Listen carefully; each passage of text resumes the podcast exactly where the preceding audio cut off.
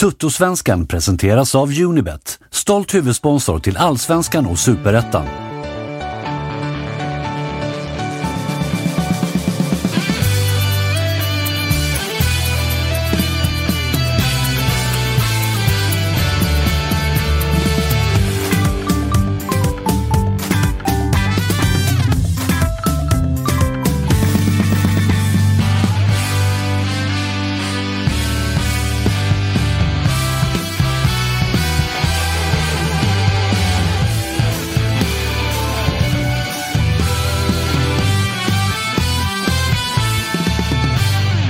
Säger vi välkomna till Toto-svenskan, det första specialavsnittet som vi eh, släpper här under kommande veckor. Kalle, vi ska Mm. grotta ner oss lite grann i bottenstriden i, i eh, inledningen här. Hur känner du inför det?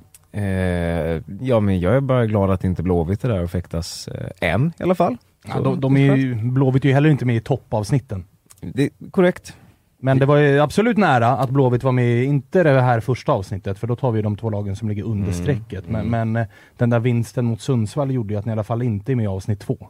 Jag tackar fan för den säger jag. Eh, vi har en härlig eh, panel med oss. Josip Ladan är eh, tillbaka igen. Hur är läget? Mycket bra. Mycket, mycket bra. Äntligen lite, lite luft och eh, till min, eh, min polare som lyssnar på det här så han, han fattar vad jag menar när jag säger att jag har slutat äta lök. Jaså? För det har varit väldigt mycket lökätande här eh, under de senaste, eller de senaste veckorna. Framförallt Stockholms, den här Stockholmsturnén som går till historien som kanske den sämsta någonsin. Så ja, slut på lök och eh, fram med riktig mat igen. Så det är ju skönt. Torsk. Ja. Det, blir- torsk nu framöver ja. Starkt sagt för att komma från den sidan bordet faktiskt. Och på den sidan bordet har vi ju såklart eh, Jocke Hanäs som... Eh, exakt. Hur, hur, du var uppe tidigt i morse och eh, tog dig hit till, till studion inför Ja, dubbelinspelning. Mycket gör man för din skull. Ja. Men det här var nog över gränsen tror jag. Ja, jag tror också det. Jag kände att eh, du var inte värre än August. Alltså August förra måndagen var ju uppe ja, men 04 för att åka tåg. Du var ju uppe vid 05 i alla fall. Ja, men det var en dyngning av August eller? Ja, där någonstans. Ja. Där någonstans. Eh, och så har vi såklart då, i och med att vi ska prata om jumbon, så har vi Olof Möller på plats också. Mm. Vad kul det här ska bli. nej men det är ju eh, först ut, eh, ligger etta någonstans om man vänder på tabellen. Men eh, nej, så att det kommer kanske bli ett mörkt avsnitt. Things Men det, can only get better. Exakt. Som heter. Lite så. Eh, hörni, ni eh, lyssnar och tittar på det här avsnittet när det redan är eh, inspelat. Det kan vi ju faktiskt vara tydliga och säga. Det är 31 maj idag eh, när vi spelar in detta, så saker kan ju ha hänt från att vi spelar in det till att vi släpper det. Men vi tänker att vi ska gå igenom tabellen upp, nerifrån och upp, två avsnitt per lag. Därför så blir det alltså Helsingborg och Degerfors i detta avsnitt. Och vi tänker också att vi låter en supporter till varje lag eh, ja, gå igenom eh, lite rubriker och så får man eh, pyssla in spelare eller händelser eller tränare eller vad man nu vill under dem. Och eh, vi kastar väl oss rätt in i det här. Fråga bara Svanen. Ja. Visst går vi igenom tabellen eh, nerifrån och upp efter 10 omgångar som ju är den riktiga liksom, tabellen. Det- vi, vi, vi petar inte in omgång 16 matcherna. Ja, de är ju spelade va, så vi måste ändå liksom eh, ha med Ja, dem. Så att, ja, ja. Exakt så som tabellen ser ut när vi eh, klev på uppehåll, exakt så kommer vi också ta den. Så får vi se vad de här lagen som bara har 10 spelade matcher då, gör eh, med den där omgång 16. Men det tar vi när det kommer. Eh, vi kastar oss rätt över eh, första kategorin tycker jag. Det är vårens bästa spelare och vi börjar med Helsingborg. Så att Olof, take it away. Vem är vårens bästa spelare i Helsingborg? Ja, eh, det är inte många att välja på. Eh, men jag landar nog ändå i att, för det är väl lite jämnt skägg kanske mellan Tahali och eh, Kalle Joelsson i mål. Nu har Kalle missat några matcher på grund av skada men innan skadan så är han ju helt brutal. Alltså han, eh, matchen mot Djurgården så Tahali har två mål men han står ju på huvudet för att rädda allt och alla liksom där och han gör ju en väldigt fin insats liksom fram till dess. Han är ju, vi hade ju haft ännu mindre poäng tror jag om inte Kalle hade stått de där första matcherna. Och har väl också någon straffräddning på kontot. Är det Elfsborg Och hemma ja, och där blir det ju tre poäng. Exakt, så att han är ju direkt avgörande i den och i många andra matcher. Sen har jag haft otur nu med skada här, vilket är trist. Men jag, eh, ja, eh, jag landar nog ändå i Kalle Joelsson sett till liksom, betydelse för poängskörden. Även om Taha har gjort eh, sina mål och sina, liksom några poäng så Så jag tycker Kalle har varit mer avgörande i liksom för att vi ska skapa upp de få poängen som vi har fått. Håller du med Josip? Ja, och statistiken talar ju för uh, Olofs tes här. Det är sju matcher som, som Kalle har spelat och släppt in nio mål på dem. Så att det är liksom, det är väl, det är väl godkänt och räddningsprocent på 76. Och med tanke på vilket bombardemang eh, HIF har fått utstå i eget straffområde och runt egna straffområdet så är det väl bara att, att hålla med där. Jag tycker, och, och framförallt då, alltså, sen ska man också ha i beaktande HIFs målvaktssituation som de senaste åren har varit allt annat än optimal. Det har ju varit liksom Lindegård i fyra matcher, sen är han borta i åtta och det, sen kommer Kalle Joelsson och så blir han skadad och sen kommer, eh, hjälp mig med namnet. Alex Nilsson. Alex och- Nilsson som kom från Hässleholm för Mm. bara några år sedan. Så att det har ju varit rokader där, men att man ändå när man kommer in gör så pass stabila prestationer i förhållande till hur det ser ut i övrigt, framförallt offensivt, det, är- det måste jag säga, det är starkt jobbat. Jag älskar att Olof tar det här indie-alternativet istället för Tahali som är, ändå är på något sätt hela allsvenskans kelgris. Och så tar han indie, det är liksom eh, lite hipstriga målvaktsalternativet. sen är det också symptomatiskt för Helsingborgs säsong att jag väljer en målvakt. Är det inte det? Så här, vi ligger jumbo har fem poäng och då landar man ändå i målvakten. Det är ju liksom off- off to a bar, good start här känner man ju med programmet. Och det har ju dessutom varit en del snack om att han inte har fått jättemycket hjälp utav mittlåset. Mm. Så att han har ju haft att göra, inte bara med att rädda bollar, utan också styra upp den där försvarslinjen som ju har varit både skadedrabbad men också inte tillräckligt bra. Nej. Nej. Vidare då så har vi på listan vårens överraskning och då är ju frågan innan du svarar att Tillhör Taha Ali den kategorin överraskning när man inför premiären borta mot Bayern får rubriken Allsvenskans Messi? Blir Nej. man då överraskad när han dribblar upp ett par gubbar och gör ett par poäng? Nej, eh, det tycker jag inte. Eh, Vårens överraskning finns väl både i negativ och positiv bemärkelse. Den positiva bemärkelsen är väl Kalle Joelsson. För att jag trodde inte att han skulle kunna leverera. Jag var lite osäker på vem som skulle stå inför säsongen. Jag var lite osäker på hur liksom, Kalle skulle leverera om han fick första spaden. Men han har gjort det bra. Eh, och sen kan man ju ta så här negativ överraskning och det är ju att vi ligger där vi ligger. Eh, det trodde jag inte. Det är ju ett eh, otroligt underbetyg till hela klubben egentligen och alla spelarna att vi ligger där vi ligger. Men ja, nej, eh, den positiva överraskningen är Kalle Joelsson. Han får väl bära både liksom bästa spelare hittills och överraskning i min bok. Tahali, han- han är årets överraskning, eller vårens överraskning för Djurgården på Tele2. Ja, de hade inte... Exakt. Alla, alla andra hade läst det utom Ja. Djurgården. Exakt, den, den, eh, den köper jag. Men annars håller jag med att vårens överraskning är ju er tabellposition lite grann. För att man har ju varit inne på att det borde vara två, kanske till och med tre lag som är sämre än Helsingborgs IF. Men när vi har spelat tio omgångar och, och eh, du var inne på det tidigt Jocke, alltså ska vi räkna in den där 16 omgången? Ja, Helsingborg har ju spelat den. De ligger ju sist och har en match mer spelad. Så att Helsingborg ser ju inte fram emot den där omgång 16 just nu, där resten ska få ta ikapp. För det kan ju bli ett ännu större glapp uppåt. då. Förutspår inget jätteryck från Sundsvall och Degen, Degen Nej, i den men- eh, omgången i och för sig då kanske men, men det, Samtidigt. det, möjligheten finns. Exakt, och de är ju sist, så kanske tabellposition då eh, ska in i, den kategorin. Vårens besvikelse eller frågetecken lite grann, vad, vad hittar vi där då? Förutom att besvikelsen såklart är att ni ligger där ni ligger, men är det någon spelare som man haft större förväntningar på eller, eller hur eh, tolkar du den? Alltså jag är besviken på eh, många av nyförvärven tycker jag. Man pratade inför säsongen om att man skulle hitta karaktärsspelare när man eh, försökte värva. Det här är ju kanske besvikelse både på nyförvärven men även på liksom, valet av nyförvärv. Man pratade mycket om de här spelarna ska, vi tar in spelarna nu för att vi ska få karaktärsspelare som står upp när det blåser och ja, det har ju varit liksom en inställningsfråga i många fall som har varit under all kritik där också att de har inte kunnat leverera och nu när det har blåst som mest, till exempel efter Degerfors-matchen, så följer man upp det med att torska 4-1 mot Värnamo. Så att eh, besvikelse är väl liksom, ja, nyförvärven, eh, ja, förutom såklart det jätteuppenbara i att vi ligger där vi ligger, men det finns, ja, liksom snurrar i huvudet nu för jag försöker fundera på så här, är det tränarna, är det sportsliga, är det spelarna? Det finns liksom ett gäng besvikelser. Men jag menar en Alltså, det- spelare som var ganska uppsnackad var ju han ni värvade ifrån eh, Helsingfors, vad heter han? Lingman? Ja. Eh, som jag inte alls tycker har bevisat Nej, jättemycket i den här serien. i, Han har utan inte kommit upp i någon nivå som man förväntar sig av honom. Eh, har ju ja, fått hoppa lite liksom i positioner och sånt men jag tycker nej, det är ett av de nyförvärv som skulle ko- komma in och som man var ganska peppad på. Vi pratade om det här inför vi började säsongen och då kändes det liksom speciellt vad han hade gjort mot till exempel Malmö FF i, i Europakvalet men det har ju inte levt upp till det. Liksom, en sån spelare som William Davidsen började jättebra men har gjort två självmål så att Ja, det är inte jättebra. Nej, det är inte jättebra. Ja, han var en av de karaktärsspelarna. Det, ja, nej, det har ju varit liksom, ja, det är inte mycket kul att ta med sig från det här segmentet känner man ju, men det är ju så det är.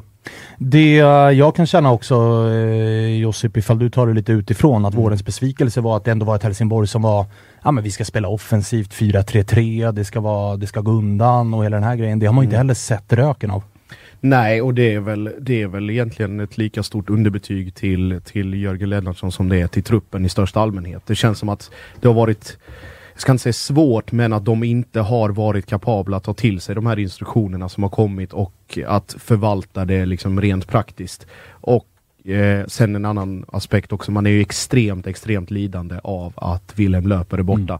Och det isolerar Anthony van den Hurk totalt. Jag trodde att jag var helt övertygad till exempel på, eh, under försäsongen om att Lingman skulle ta det ansvaret och vara det navet i mitten och liksom kunna fördela bollar ut på Taali eller eventuellt i djupet på, på van den Hurk och det har vi inte sett röken av. Eh, men eh, jag vet inte, det, det är så mycket som behöver bli rätt samtidigt i Helsingborg för att det överhuvudtaget ska kännas som att man kan blicka framåt lite.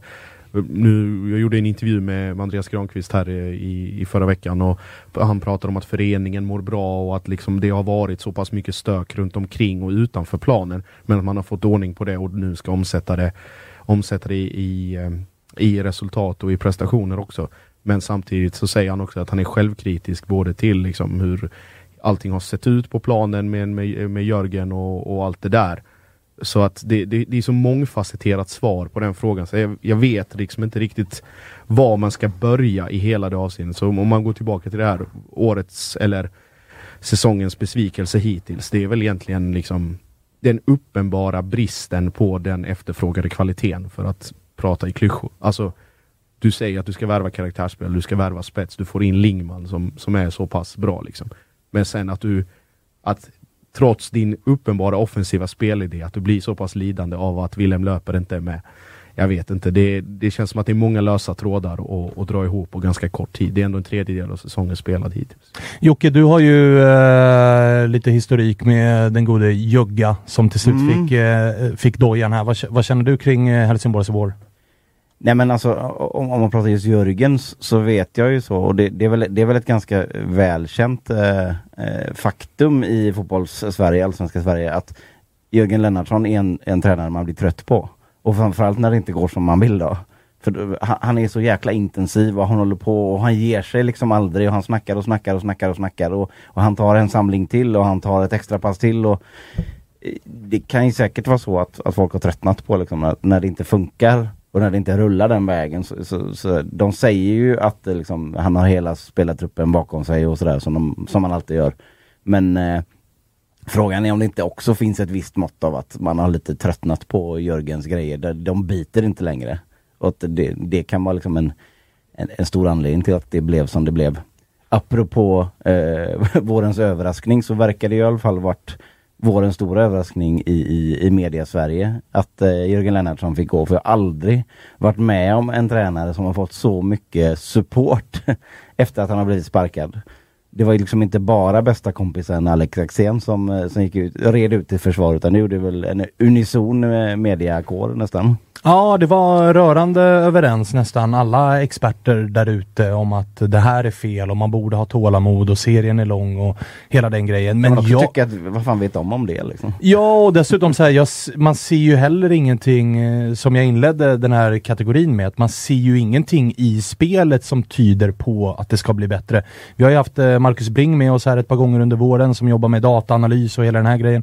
Han har ju också varit inne på att så här, det händer typ ingenting. Alltså Helsingborg är i botten vad gäller spel på offensiv planhalva, skapade målchanser, passningar in i sista tredjedelen, hela den grejen. Och, och har man inte det, då, då finns det ju anledning att verkligen göra en förändring. Jämför man med Värnamo som ju har i öppet spel typ ett högre expected goals än Hammarby som har gjort flest mål i serien och de ligger där de ligger, då finns det ju ändå anledning till att så här, det finns hopp, det finns en tro om att vi kan bli bättre, vi gör någonting bra, men för Helsingborgs del så det var väl nästan oundvikligt att, eh, att gå skilda vägar. Ja, och jag tror det är viktigt att poängtera här, för jag håller med dig och det känns som att det var liksom alla backar Jörgen, men det är inte den här, det är inte de här elva matcherna enbart som tas in i den, i den liksom att han får sparken där.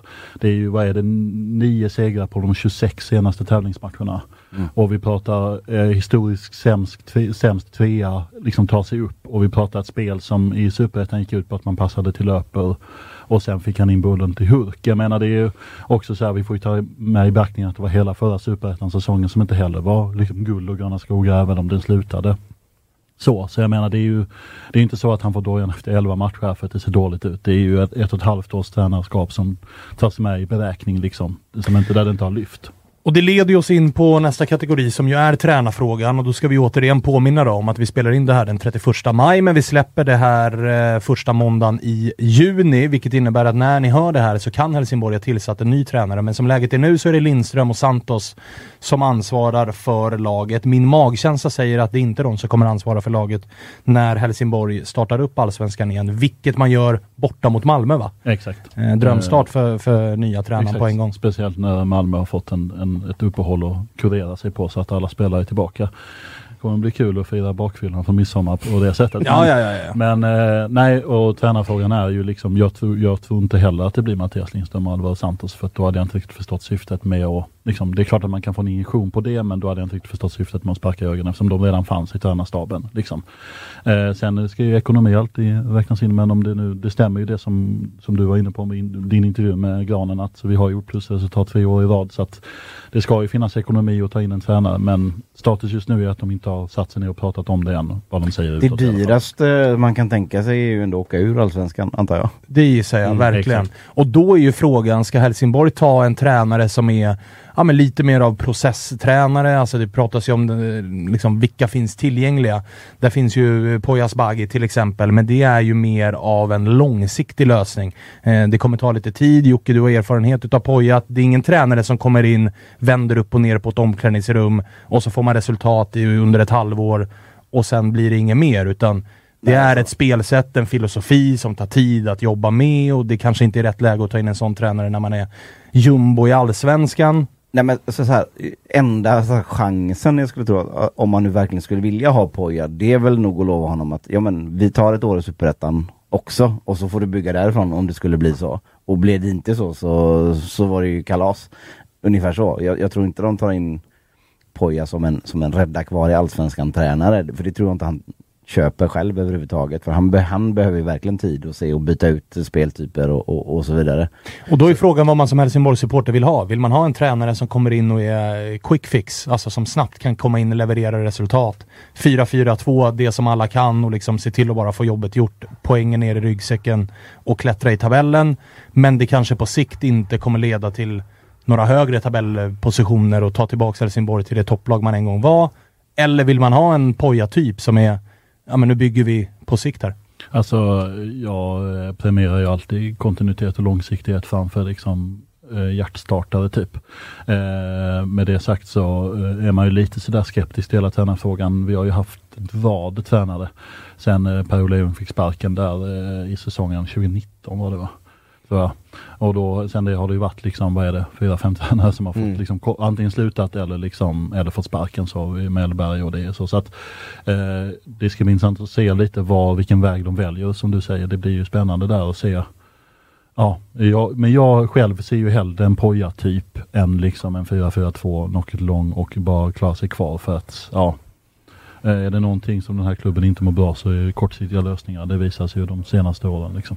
Josip, du som är Ja. i murvelbranschen, Mm. pratas det någonting, viskas det någonting om eh, namn som är aktuella och, och den grejen? Ja, det, det är väl Poja som är uppe på, på tapeten och sen så Sen vet man aldrig, det kan ju dyka upp saker lite varstans. Däremot tror jag att den optimala lösningen för HIF och det HIF vill göra och har planerat att göra de här senaste åren. Den lösningen finns redan i Allsvenskan.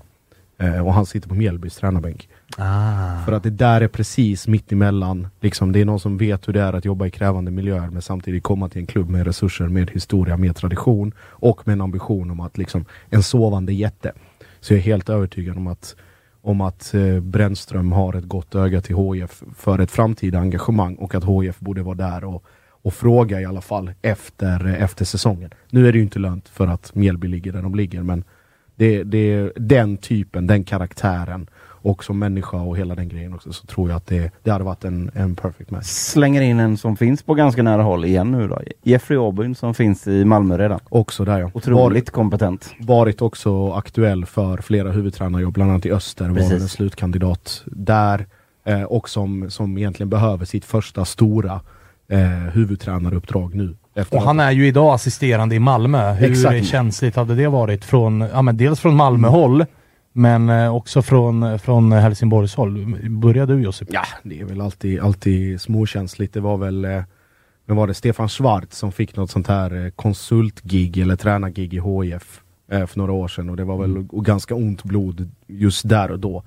Eh, sen om det skulle bli med, med Aubyn, jag tror att det hade rört upp känslor men hade väl nog inte varit liksom, eh, vad heter det, brinnande facklor och, och hela den grejen. Man hade väl förstått det i Malmö. Liksom, att på ett sätt, hade, rationellt första, första. A-gigget liksom. Det, Ja. det är bara att ta liksom. L- Lite så, men Ja. sen samtidigt om det, om det är första A-giget, v- vad fan ska du göra där uppe? Det är liksom, det är den, Ja. Ja. det resonemanget stämmer. Men eh, Olof, om jag frågar dig då, vad hade du valt? Hade du valt att köra Alvaro Santos och Lindström resten av säsongen för att sen liksom gå för Brännan i och med det lär bli svårt att lösa nu. Eh, det känns helt ologiskt att Mm. Brännan skulle lämna nu. Men jag förstår ju också det du är inne på Josip, att om Brännan, Mjällby har ju en viss höjd.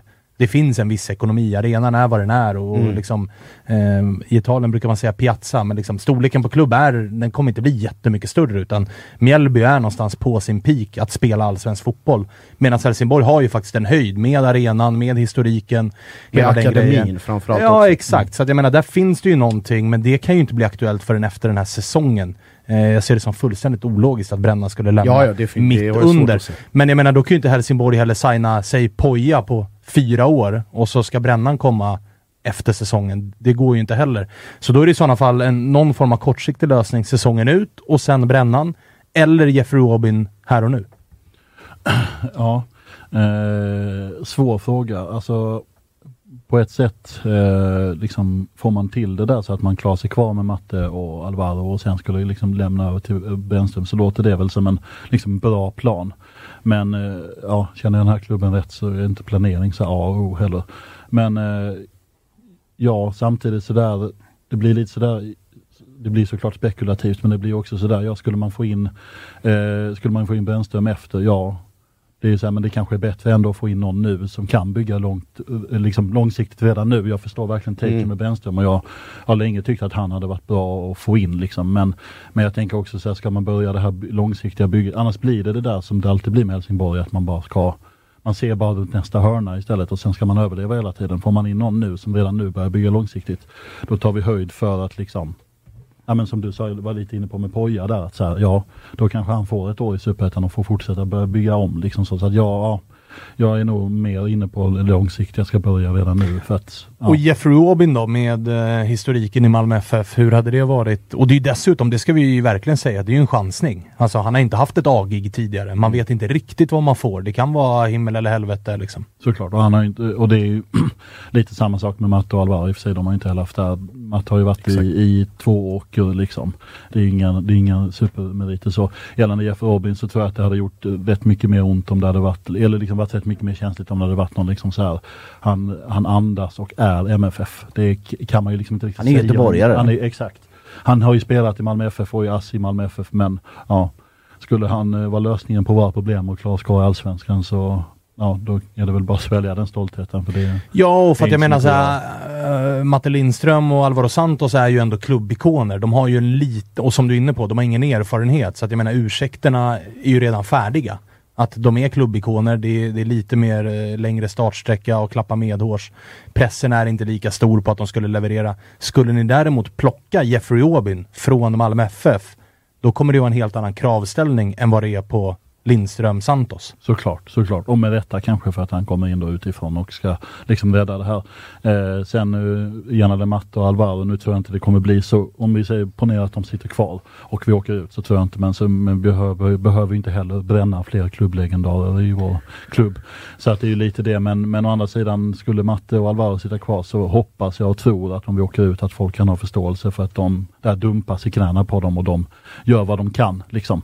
Eh, men eh, för att jag har ju otrolig respekt för båda de två. Det är väl bland mina favoriter sen jag började liksom följa HF. Så, så att eh, på ett sätt hoppas jag att de tar för att det hade varit väldigt fint om de löste det. På ett sätt hoppas jag att de inte tar för att skjuter de ut sig så ja, då vet jag fan inte vad jag gör riktigt. Liksom. Nej, och det är precis det Olof säger, alltså att det blir ju paradoxalt lite grann att det är både jättelåg ribba men jättehög samtidigt. Alltså det är fallhöjden för klubblegendarer som Lindström, som Santos, Sven Andersson och inte tala om, eller Granen som, som sportchef. Det är också så här, liksom hur mycket kan de riskera sitt legacy och hela den grejen att ja, ja, men det var de som fick ur oss ur allsvenskan igen och det som skulle vara ordning blev bara kaos. Så att man får nog brottas lite med den bilden också av att hur mycket, alltså kan vi tolerera att vi åker ur? Hur kommer det se ut om vi åker ur? Är det en förbättring i spelet men de andra går som tåget? Ja men då kunde vi inte göra så mycket. Men ser det fortfarande lika skit ut, då har jag, då har jag svårt att se att folk ska vara så pass toleranta. Och det är som du säger, det går, man kan inte bränna fler, fler legendarer än vad man redan har gjort. Historiken med HIF och, och ex-spelare på viktiga positioner inom eller eh, liksom på planen eller uppe i, i eh, på kansliet. Det är, inte, det är inte den bästa eller den mest smärtfria. Nej så är det ju och eh, om vi säger nu ponera nu liksom väldigt spekulativt men skulle det åka ut med Mattias Lindström och Alvar Santos vid rodret så blir det fortfarande och alla är supertoleranta så är det fortfarande ett prick i registret att det var de som eh, tränade när vi åkte ut. Alltså oavsett ja. hur det tas emot på liksom läktaren och i stan. Liksom. Sitter du och funderar på vad man kan komma på för sådana här riktiga rena rescue-tränare om du förstår vad jag menar. Mm. Men jag kommer bara på typ Jörgen Lennartsson. Ja, han är ju... Och det känns ju inte aktuellt ändå. Det hade varit väldigt mycket HIF att plocka tillbaka honom. hade, det varit, eh, hade det varit två år sedan så hade ja. ju Axén nämnts här. Ja. Men nu känns det ju som att det var för lite för länge sedan som han tränade ett fotbollslag. Ja. Eh, och dessutom så är han ju bästa polare med Jogga. Ja, vilket inte. gör att han kommer ju inte... Han är ju lack på Helsingborgs ledning. Alltså skulle Granen ringa honom, han skulle inte svara. Axén. Nej, då blir det, det är väl ändå bra för, för Helsingborg om man ska vara helt ärlig i det här, i det här läget. ja, men jag all, all bara... respekt till Alex som kommentator men jag tror inte att han hade varit lösningen som tränare, väl? Tror du inte? Alltså Nej. om man tänker den kortsiktiga, komma in... Liksom... Ja, du menar bara över säsongen? Ja, men exakt. Alltså, skriv på säsongen ut, se till att Helsingborg klarar in kontraktet. In med energi. In med energi, ja, enkelt, kan, rakt jävla spel. Se till så att nyckelspelarna hamnar i sina positioner, fyll på runt om dem. Han spelar ju en enkel fotboll, en rak mm. fotboll, en tydlig jävla fotboll som är, som liksom är omöjlig att uh, missförstå. Så att tränaregenskaperna och mentaliteten tror jag hade verkligen gynnat Helsingborg på kort sikt. Ja, Sen kanske man inte ska bygga eh, runt Axén på lång sikt och dessutom då, nu har han ju varit out lite för länge mm. och är polare med Jugga så att det hade ju inte gått ändå. Men jag menar... Lite för goa gig på, på Discovery också. Ah, ja, ja, ja, det är lite för bra deg säkert. Så att det, det, det, kommer nog inte hända. Sen vill jag också ha sagt i den här liksom ångestmackan som är inledningen på det här avsnittet att eh, jag är ändå lite spänd på att se vad det blir för riktning HF tar. Det får man ändå säga. Det ska bli liksom intressant att se vad klubben väljer och det är ju ett väldigt test här av framtiden. Så att i all den här liksom ångest och negativitet så får jag ändå ha det sagt att det ska bli intressant och spännande att se vad som kommer nu. Vilket leder oss in på en av rubrikerna då som är sommarfönstret in och ut och där är du inne på det. Det ska bli intressant att se vad som händer för mm. Granen har ju varit inne på att det kommer hända saker både in och ut och inte så lite heller utan det pratas tre, fyra spelare ut, det pratas tre, fyra spelare in. Vi ska också ha med oss här att van den Hurk sitter på ett kontrakt som går ut. Vill man ha någon krona för Anthony van den Hurk så är det nu man måste sälja honom den här sommaren. Men å andra sidan då står man utan renodlad nia. Det är kanske det man har eh, spanat efter dem. Men vad säger du? Vad förväntar du dig ska hända? Vilka positioner behöver förstärkas och vilka drömspelare har du på, på din egen önskelista? Alltså ryktet säger ju, eh, sorry, ryktet säger ju att det är Hurk är en av dem som ska ut eh, och lämna. Dels eh, av den vården han har gjort nu och eh, det känns som att han har tappat lite inställning och lite motivation. Och dels för att som du är inne på helt korrekt, det är ju ett halvår kvar på kontraktet. Ska man få några cash så ska man ju få det nu. Och förlängning är ju inte aktuellt Nej, där. det är det inte. Så att det är antingen liksom, tror man att det här håller resten av säsongen eller så. Och sen så är det ju, eh, Granen var väl inne på det, det är förstärkning i alla lagdelar. Eh, och eh, sen eh, hörde jag Joel Sandborg var ute, och, som är klubbdirektör i HF ska vi säga, han var ute och sa att numerären in påverkas ju av numerären ut såklart. När man sitter på en trupp på 31 spelare. Eh, så att jag tror att, eh, får jag liksom spekulera lite fritt här, så tror jag att Hurk ut blir liksom det stora. Sen tror jag att de andra ut kommer nog vara snarare liksom det som man lite elakt kan säga breddspelare. Sådana som inte har spelat så mycket, mer för att få ner den här 31-mannatruppen till en Banta löneberget. Exakt, exakt bantat eh, truppmässigt och banta löneberget ja. Eh, och Hurk ut då eh, sitter vi ju på eh, Rasmus Karjalainen och Assalam Alhamlavi. Och jag tror väl inte någon av dem är de som liksom Ska, vara, leda. ska vara nia och spela oss kvar med liksom fem, sex mål, eh, sju mål, åtta mål, vad det nu blir resten av säsongen. Liksom. Så att då är det ju nia in och eh, ja, få in en nia i ett sommarfönster som går in och levererar direkt för en, ett lag i Helsingborgs position. Det är, ja, det är inte en uppgift som jag direkt är avundsjuk på att sitta på det förhandlingsbordet. Så att, ja.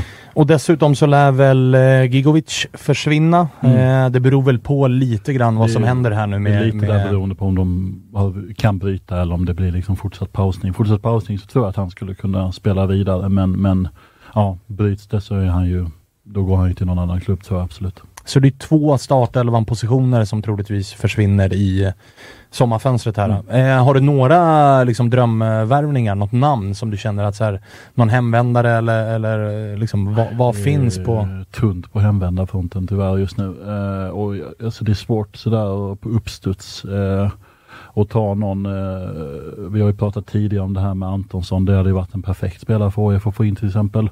Eh, nu sitter han ju där han sitter så att det kommer inte hända någonting där men ja, ja vi behöver ju kvalitet in till ett rimligt pris. Det är väl den absolut svåraste liksom att få in överhuvudtaget men jag kan inte komma på någon sån här namn på uppstuds. Liksom. Vad finns det i Superettan?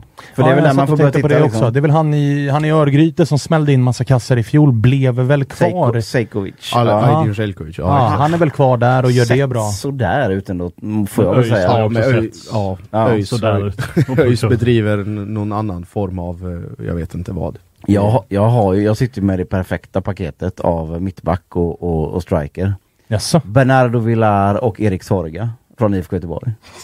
Ja, går Sorga in och gör 10 mål. Det är varmt välkommen. Alltså Hurk ut, Sorga på lån in. Nu kommer jag bli mördad när jag kommer tillbaka Ja, det är, Göteborg. det är, han ska ju ha binden och staty och hela grejen i Göteborg och du säger att han ska till Helsingborg. Helt overkligt. Men han kan väl han blir utlånad till Helsingborg, rädda dem kvar. Ser inte det som en helt otänkbar lösning? Nej, nej. Gör han 10 mål så är han varmt välkommen. Då tar jag frisyr och allting vad det är med han, kläder. gör, han gör inte det. Nej, det, det, det, det kommer ju inte hem. Return of the King kommer bara. Han bara smäller in 10 baljor. Annars har ju ni eh, historik. Nej, det var, jag tänker på fel eh, Skånelag här, men när det varit lite infekterat gällande anfallsspelare som gick mellan Malmö och eh, IFK Göteborg i Peter Ije. Det var ju Ah. klassiska bilder. Eh, fel! Those, those were the days. Ja, verkligen. Ja, ja, Men äh, avgörande för det här med, med Hurken då, är det inte också lite när Löper kan tänkas vara tillbaka? Hur ser det ut på den fronten? För det Ja, måste ju han- nästan ses som ett nyförvärv när han kommer. han ska ju vara tillbaka efter uppehållet säger de ju. Ja. Vara tillbaka i, liksom, i någorlunda träning då. Sen är Mm. det ju Ja, det är, han har väl gjort en säsong i Allsvenskan tidigare med AFC. Det, är, det ska ju också beräknas in och han ska komma igång. Men det är klart att kommer han in så är det ett nyförvärv in. Det får man ju se. Men som. känns det inte som att pressen på honom kan bli... För att jag menar, snacket under våren har ju varit väldigt mycket också. Om vi bara hade haft löper och tänk när löper är tillbaka. Och förra säsongen var det löper och hurk och löper och hurk. Och det har varit jävligt mycket löper trots att han inte har spelat någonting. Kan man, eh, eller tror att Granen kanske vaggas in i lite falsk trygghet av att så här, när han är tillbaka då, då, då löser det här sig liksom? Ja, det är väl eh, absolut en möjlighet. Men sen tror jag liksom, jag tror att när han väl kommer tillbaka kommer han vara bra. För att, eh, apropå det här vi pratade om tidigare med karaktärsspelare, han är ju en sån. Mm. Han, det brinner ju och han har ju pannben och allting. Han är ju en av, liksom, han var ju en av ja, direkt anledning såklart, men han var ju också en som förra säsongen i Superettan kunde stå borta mot Brage och tycka att allting var för jävligt när alla andra bara liksom tyckte att det var ändå en OK prestation. Så att jag tror att han kan ju bära det där eh, liksom utan problem och får vi in en bra nia då och så eh, tar Ali och, och eh, löper på varsin kant och en bra nia så ser ju det där tremanna där framme ganska så intressant ut. Vi eh, ska avsluta ditt segment Olof med att du ska få ge ett betyg på våren. Jobbar vi svensk skala va? 1 till 5 va? Det känns eh, rimligast och enklast. 1 är underkänt, 2 är godkänt och uppåt då. Men jag gissar att vi inte ska uppåt på den skalan. Utan, utan vi håller oss i de nedre regionerna även där. Är det, är det 1? Det tvära kastet om jag hade sagt fem nu. Ja det hade, det hade varit, eh, då hade du Jag har mig. haft kul. Jätteroligt. eh, nej men eh, alltså nu finns ju inte noll, men ett får det väl bli då. För att det är ju såklart underkänt rakt igenom. Eh, från prestation till tränarinsats till poängskörd till spel. Fram och bak till liksom, ja, det, allting har ju sett liksom dåligt ut. Så att, eh, ja, underkänt. Underkänt blir eh, ett ganska tydligt eh, betyg. Vi ska ringa upp eh, Taali som ju har varit en av de bärande spelarna för Helsingborg den här eh, våren. Där det har varit lite så här, han, han har gjort det bra och fått mycket lovord men hans lag har förlorat. Det är en ganska märklig sits för en Isolerad relativt ö, ung, liksom. Ja, för, för en ung spelare. Nu har vi honom med oss. Välkommen eh, tillbaka till Toto-svenskan Taha. Tack så mycket, tack så mycket. Hur är läget? Jo, läget är, det är bara bra. Äntligen hemma här i Stockholm med familjen och så, så jag tar det lite lugnt bara nu. Inga utlandsresor planerade? Nej, faktiskt inte. Uh, ville, tänkte på det innan faktiskt, men uh, jag har fan inte sett familjen nu nästan på ett år och så, så jag tänkte ta igen lite egen tid med familjen. Det låter eh, klokt. Vi har suttit och summerat lite grann Helsingborgs vår, bland annat med Helsingborgssupporten Olof Möller här. Vad säger du själv? Jag inledde med att säga att här, för dig har det ändå gått ganska bra. Du har gjort mål, du har gjort assist, du har varit inblandad i mycket, fått mycket lovord. Men ditt lag ligger sist i serien. Är det tufft mentalt att känna att fan, jag gör det ganska bra, men resultaten får vi inte med oss?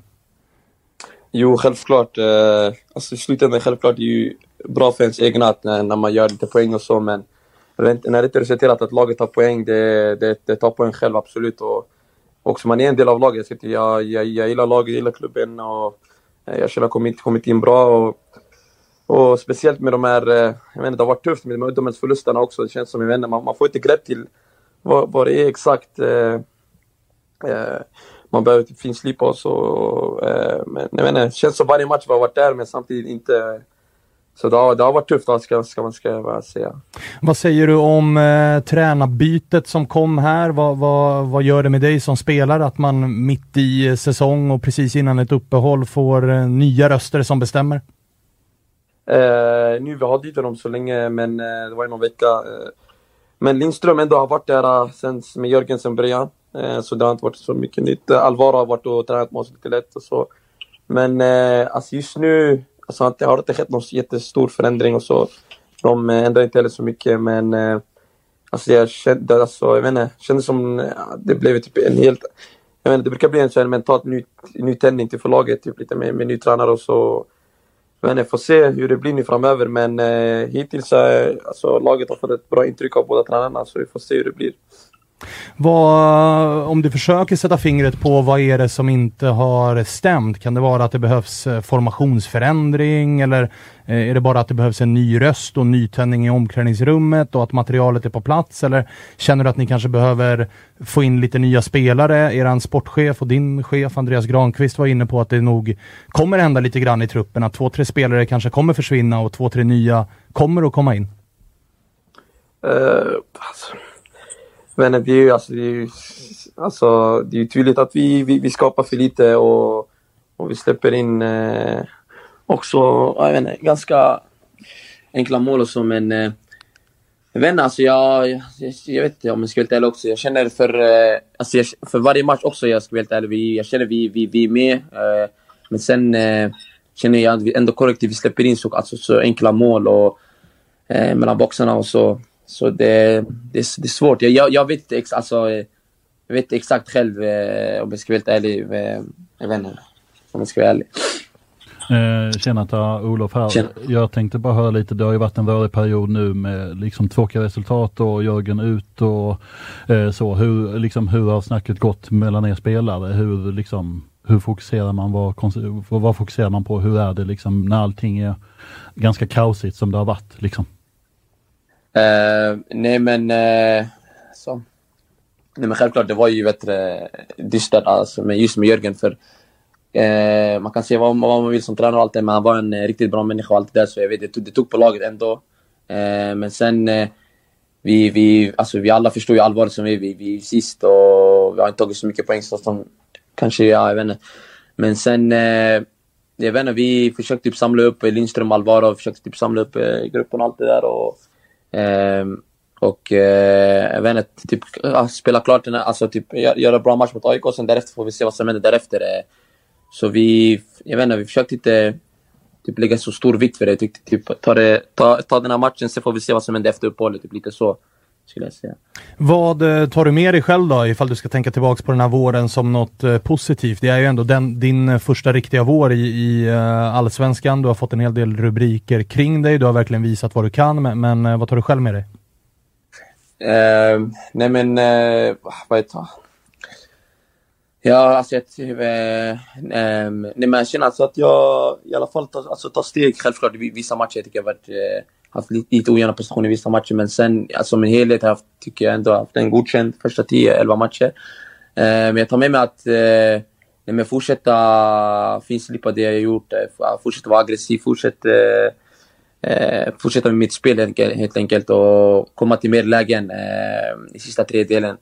Eh, typ lite det. Eh, och sen ja, försöka hålla mig skadefri och kunna spela varje match, kunna bidra till mer poäng och assist. Det är typ det som jag försöker ta med mig. Eh, Tjena Taha, Josip här. Eh, jag, tänkte på, eh, jag tänkte på, finns det någonting eh, i omställningen till att spela liksom allsvenskan kontinuerligt jämfört med förra året ah, som du är överraskad av? Eller var det precis som du, du trodde i många avseenden? Du kan prata tempo, du kan prata liksom fysik eller var någon som, vilken del som helst. Var det någonting som du märkte att oh shit, det här förväntar jag mig inte riktigt? Jo, absolut. Eh, speciellt första matchen mot Hammarby. Eh, jag, alltså, jag, jag kanske hade lite koll på att jag skulle kanske få någon typ form av bevakning eller något sånt, men den där matchen, alltså, det känns som jag blev mobbad eller någonting. Alltså, det var slakt. Eh, och där alltså, var det en riktig väckarklocka för mig att eh, okej, det, det, det här är allsvenskan och det, det, det är en annan tempo och, och jag får ställa in mig på... Så jag, jag, vet, det var den matchen jag fick, alltså, fick den största lärdomen att jag Eh, jag fick verkligen veta att folk, folk har koll på mig och nys på mig och, det, och, och tempot är mycket högre så jag får anpassa mig och det tog mig några matcher om jag ska vara helt ärlig. Och, eh, alltså allt, jag, jag tycker att det är en betydlig skillnad från Superettan också. Eh, så jag känner alltså för varje match, det, det, det, typ- man, man lär sig typ mer och mer och, och bryta sig igenom. Och, ehm, eh, men det har varit fett, fett lärorikt. Eh, men eh, man känner i alla fall för varje match, man, man lär sig mer och mer, så skulle jag säga. Mm, jag har en följdfråga på det då. Känner du liksom att du har varit, att det här, du ska säga, att mycket av spelet har gått via dig och du har ju varit det offensiva hotet för HIF. Har det varit lätt eller svårt eller hur har du hanterat den här, kanske lite oväntade, jag ska inte säga press, men förväntningarna på dig som det har blivit? Eh, nej, eh, faktiskt inte. Alltså, jag, jag, jag tycker det har varit, eh, alltså, det har varit bra faktiskt. Eh, ehm, ja, alltså, jag, jag, jag, jag, älskar, jag älskar jag, vet, jag älskar att ta ansvar, jag älskar alltså, spela min fotboll och för mig det, det är inga Eh, det är inga bekymmer i den delen. Eh, jag försöker bara bidra med det jag kan. Eh, alltså, om inte det går vägen, det går till vägen. Men jag vet, jag vet hur bra jag är och jag försöker bara typ, visa så mycket som jag kan. Och, och sen det, det är skönt också att laget också känner att de har, de har en viss tro på mig och försöker spela mycket via mig och, och de andra. Så, men jag har tagit det faktiskt med, med en nypa salt. Det har, bara varit positivt.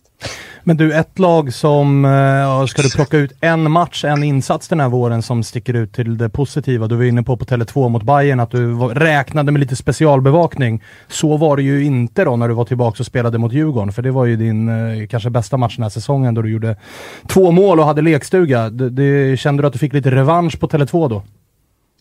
Ja, jo definitivt. För jag var riktigt förbannad faktiskt från, eh, från första matchen. Eh, för jag kände att jag, att jag behövde på riktigt visa, visa upp mig, eh, speciellt mot Stockholmslagen och så.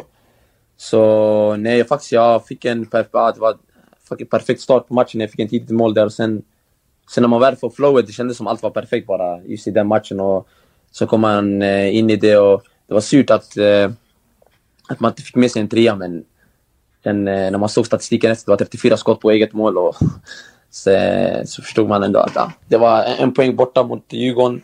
Kanske ändå rättvist lite. Men om det nu är så att liksom, det går ganska knackigt för laget och så är det en spelare, det vill säga du då här, som, som ändå överglänsar alla. Är det inte läge att göra en sån här riktig pojklagslösning? Hela vägen upp på topp med han som är bäst. Och så bara ge bollen till honom och så kommer målen trilla in. Nej men alltså, ska man du säger, om, du kan, om du kommer lite närmre mål när du gör din första fint, då, är det, då har du ju ett öppet läge liksom. Kan du spela Mm. forward? Alltså, nej, alltså det...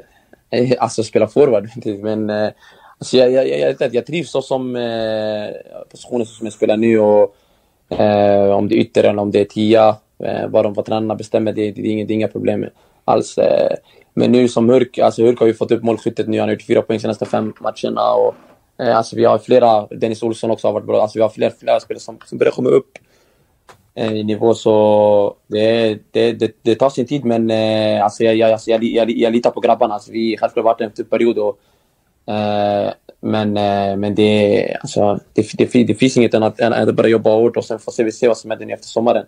Eh, så skulle jag säga. Eh, Jag tänkte på om vi avslutar det här med Djurgårdsmatchen. Jag satt ju ganska nära ett par av dina, dina grabbar. Eh, just i den matchen. Det var, det var som att vara, jag vet inte, det var otroligt mycket hype och kärlek och, och hela den, eh, den viben också. Man märkte att de, de, det var nästan som att de spelade själva. Hur mycket har den, liksom de, det stödet och allting hemifrån betytt för dig under, under den här perioden också? Nej, nej, den har, den har, den har betytt allt. Så grabbarna, det är, de, eh, speciellt eh, de grabbarna och familjen, de har varit med mig sen, alltså, sen riktiga dag ett. Och när jag spelade pojkarna till fotboll, de har varit där och supportat mig genom vått och torrt. Och de har varit med mig på riktigt när, när, när, när jag varit som nere. Och, eh, och sen när jag ser dem och spela allsvenskan och sen ser dem där. Och, de är där på mina matcher för mig. Du vet, den, den där bränslen, alltså det, det, det är inget som kan toppa en. Och för mig, det, Alltså när, jag, när jag har den här uppbackningen både från familj och vänner, för mig, det, då, då känner jag rent med, alltså, att det kan, ing, ingenting kan stoppa en. Typ, lite så, det är den mindsetet går jag in med till varje match. Så, så, nej, men jag säger deras kärlek, det är det som har det har betytt, det, har betytt allt. Alltså allt, allt. Och det, det ger mig bränsle varje dag. Därför jag, därför jag inte tar lätt också på det. Försöka ha en viss, alltså jag försöker ha en ödmjukhet och, och det hårda jobbet. Jag, alltså jag tror verkligen på det. Alltså, du gör det hela tiden konstant så, så, så kommer du dit du vill komma. Eh, typ lite så skulle jag säga. Mm. Fint Taha, vi eh, tackar för de orden och så önskar vi dig eh, lycka till nu när ni startar om och också då en lite skön, är det en veckas semester eller? En vecka, en vecka exakt, sen tillbaka. Ja, härligt. Ta hand om eh, familjen. Fan vad uppfriskande det var att höra att det inte ska åkas till Marbella och Dubai, utan hem till familjen, till vännerna, ta igen lite tid och ladda batterierna. Exakt, exakt. Nej, nej, absolut, absolut. Tack så mycket. Härligt. Vi eh, hörs då. Gnugga vidare. Tack, tack. Ha det så bra. Samma. Nej. Ciao, ciao. Den här podden gör vi tillsammans med Unibet. Om ni klickar in på Unibets hemsida och därefter klickar er fram till Allsvenskan så finns en liten flik som heter specialspel.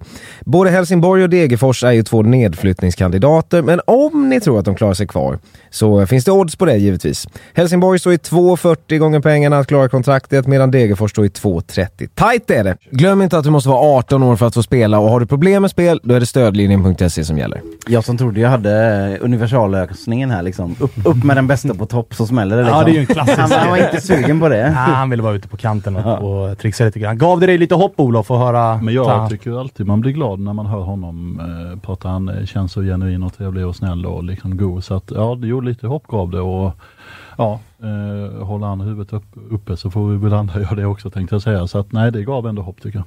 Vi eh, rundar av Helsingborgssnacket med det då. Vad missar, eller missar vi någonting eller har vi tagit eh, det mesta av eh, det bästa? Det är väl tränarfrågan och tabellpositionen som är de två stora snackisarna där. Vi ska ju också prata Degerfors i det här avsnittet. Degerfors som vi säger stort grattis till. Såg ju nytt allsvenskt rekord i flest antal raka förluster. Bara en sån sak. Kul rekord att sitta på. Ja, verkligen. Det, det är någon form av rekord är det. Eh, vad, vad tänker ni om eh, Degerfors? Blir det Superettan 2023 eller finns det hopp? Alltså nu har vi mött eh, Helsingborg och Sundsvall med, med Blåvitt. Jag har inte liksom fått den här riktiga eh, motmatchen mot Degerfors ännu. Alltså av, av de två som vi har mött så tycker jag att Sundsvall har varit klart sämst. Så att. Mm. Eh, så, så degen eh, återstår väl att se då. Det var inget jättebra svar av mig. Nej men du, du är ju helt inne på det. Av de lagen som ligger där nere så är väl egentligen Degen som har haft spe, alltså som har spelat bäst Mm. men fått ut minst av allting. Det finns i alla fall någon form av, av spelidé, av tanke, av liksom någon form av individuell kvalitet som behöver synas i fler avseenden vad den har gjort. Nu har Abdo Saidi vuxit fram och blivit en, en bärande spelare. Eh, Raja Mohan har ju kommit in också från, från liksom obefintlig speltid och, och stått för, ett stabil, eh, för stabila insatser. Så det, av, liksom, av misären nere i botten så är det väl egentligen Degerfors som har mest att hämta för att det finns uppenbart liksom, kvalitet och, och tankar och en relativt fungerande verksamhet till skillnad från Giffarna och HF om vi bara tittar på det spelmässiga. Ja, för att exakt, ska vi jämföra de tre eh, klubbarna som är där nere just nu så skriver jag också under på att här finns det ju en filosofi, det finns ramar som alla förhåller sig till, det finns tränare som har varit där länge. Alla vet någonstans vad man vill spela för fotboll, vad som förväntas av dem. Det finns spelare som passar spelsättet. Sen ska man ju ha med sig att det tar ju tid. Alltså Edvardsen eh, försvinner och Ekroth försvinner. Det är två stycken, kanske de två viktigaste och bästa spelarna. Och Degerfors är ju inte en klubb som kan ersätta med lika bra eller bättre spelare utan man får ju värva spelare som är sämre och hoppas att de utvecklas. Dessutom Djurdjic, väldigt märklig säsong. Ja, Som- väldigt- Som skulle vara liksom kvaliteten där framme på något sätt istället. Ja, va? eh, har ju istället varit, Sean har ju varit här och berättat om att så, han bidrar med jävligt mycket erfarenhet och han visar vägen och hela den grejen. Men på plan i matcherna har det ju saknats kvalitet. Eh, och dessutom så plockade man väl Vukojevic som ju på tal om Selkovic då också öste in poäng i Superettan. Men där har vi ju till skillnad från Taha sett att det är en skillnad att spela allsvensk fotboll kontra Superettan fotboll. För där har det ju varit mycket bänk. Mm, exakt. Eh, vi ska ringa eh, Degerfors-supporten David eh, Eriksson och kolla vad han säger om den här våren. Vi har haft med honom ett par gånger här och då har det ju varit eh, mestadels jävligt deppigt. Men sen så har de ju till skillnad från Helsingborg faktiskt vunnit rätt matcher. De åker upp och spöar Giffarna. De spöar Helsingborg hemma, vilket gav dem lite grann nytt liv. För det kändes ju som att torsk mot Giffarna, då hade det ju mer eller mindre varit eh, kört. David, välkommen tillbaka. Tack så mycket, tack så mycket. Hur är läget? Uh, jo, men det är väl, det är väl okej. Det är inte bra, men uh, Okej. inte dåligt. Inte bra men inte dåligt. Fan vad fint. Uh, någonstans mitt emellan. Ja, det är fint när det är så. Livet kan inte bara vara glatt och guld och gröna skogar och sådär. Eh, du, vi har en mall som vi håller på att gå igenom här med, med Degerfors och på varje rubrik så kanske vi stannar till lite grann beroende på om det är något hett. Men vi kan väl börja med vem som har varit Degerfors bästa spelare den här eh, våren. Vad säger du? Uh, ja, jag har faktiskt snackat lite med mina polare uh, i supporterkretsar och hört lite för vad liksom, de tycker och så.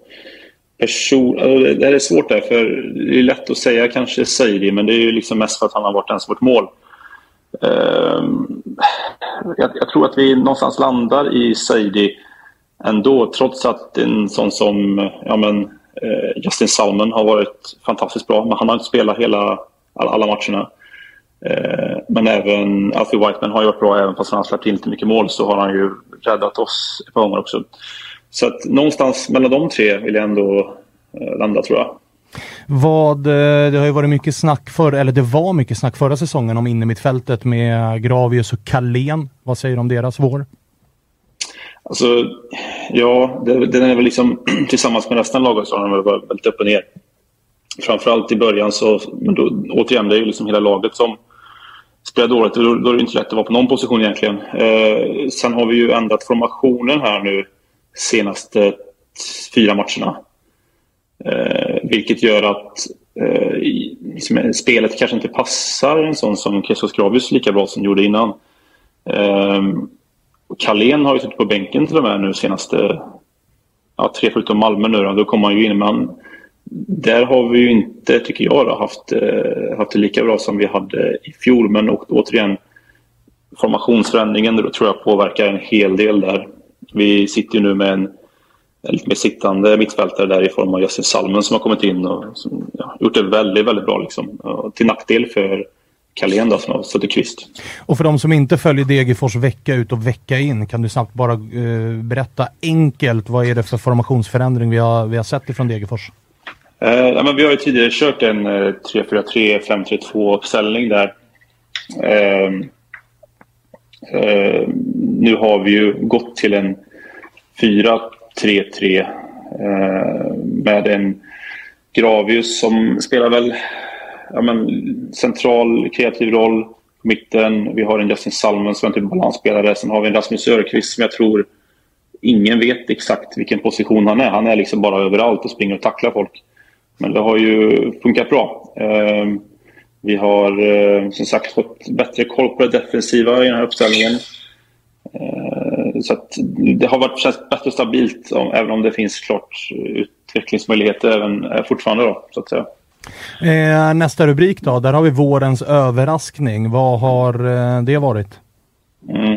Ja, men det får jag ändå säga att i så fall om vi kör Seiri på eh, bästa spelare så är väl ändå Justin Salmon tycker jag, utropstecknet. Och det tror jag även fler av mina supporterpolare håller med mig om. Han har ju varit, han har kommit in och han känns liksom som den mest självklara spelaren av alla. Liksom. Och han har främst huserat ute till, eh, till höger.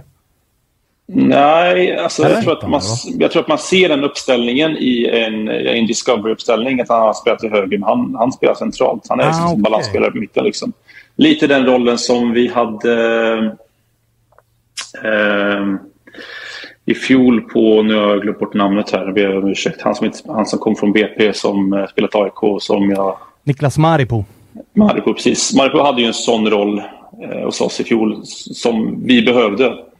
Eh, sen så värvade vi ju in eh, Salmen från bänken i Superettan, Västerås. Och han kommer ju in borta mot Sundsvall och är delaktig i den här vändningen vi gör där. Jag tror, jag tror till och med han liksom har några andra assist där i den matchen. Och sen dess har han varit gjuten på mittfältet. Och, ja, men han, han känns som en, liksom en trygg person. Eh, går och rullar bollen på han. Han eh, stressar inte iväg. Han är som sagt trygg med bollen. Ja, men, ja, passar in perfekt i den uppställningen som vi har där. Så Justin Salmon är väl utropstecken tycker jag.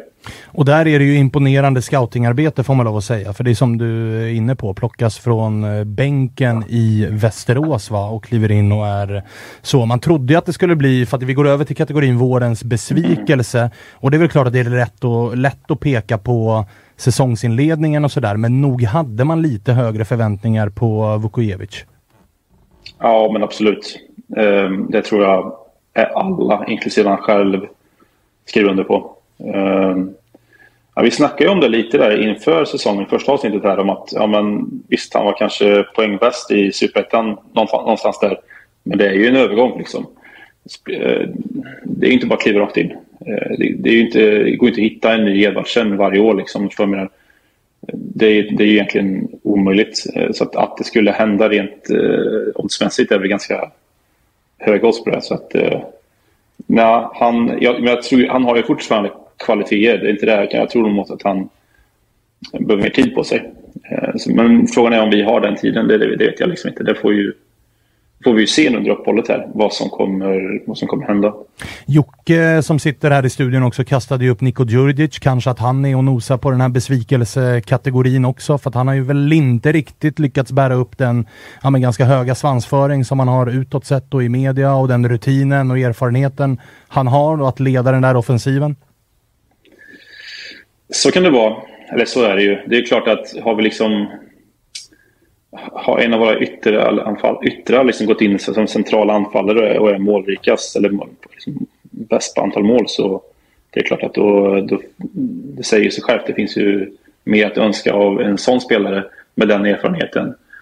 Eh, sen som han själv är inne på i en intervju som han gjorde för någon dag sedan att han tycker kanske inte att Degerfors har använt honom på rätt sätt. Då.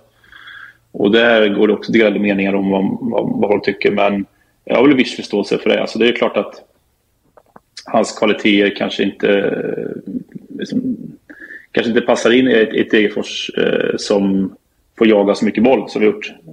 Möjligtvis.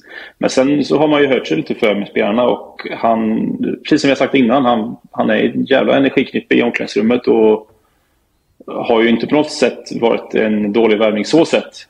Eh, om du förstår. Men det är liksom ingenting som, vad jag har förstått, går in i ett omklädningsrum och förstör stämningen. Utan han har snarare tvärtom. Utan han har ju boostat och peppat. Det är det, det jag har hört i alla fall. Men Eh, jag håller med dig.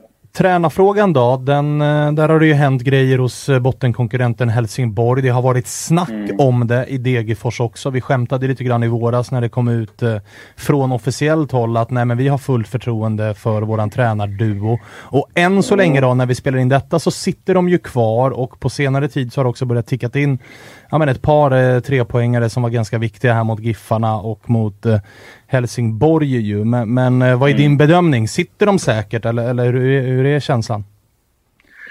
Alltså, jättesvår fråga att svara på med tanke på att man inte har någon insikt. Men jag har ju jättesvårt att se att de eh, får kicken.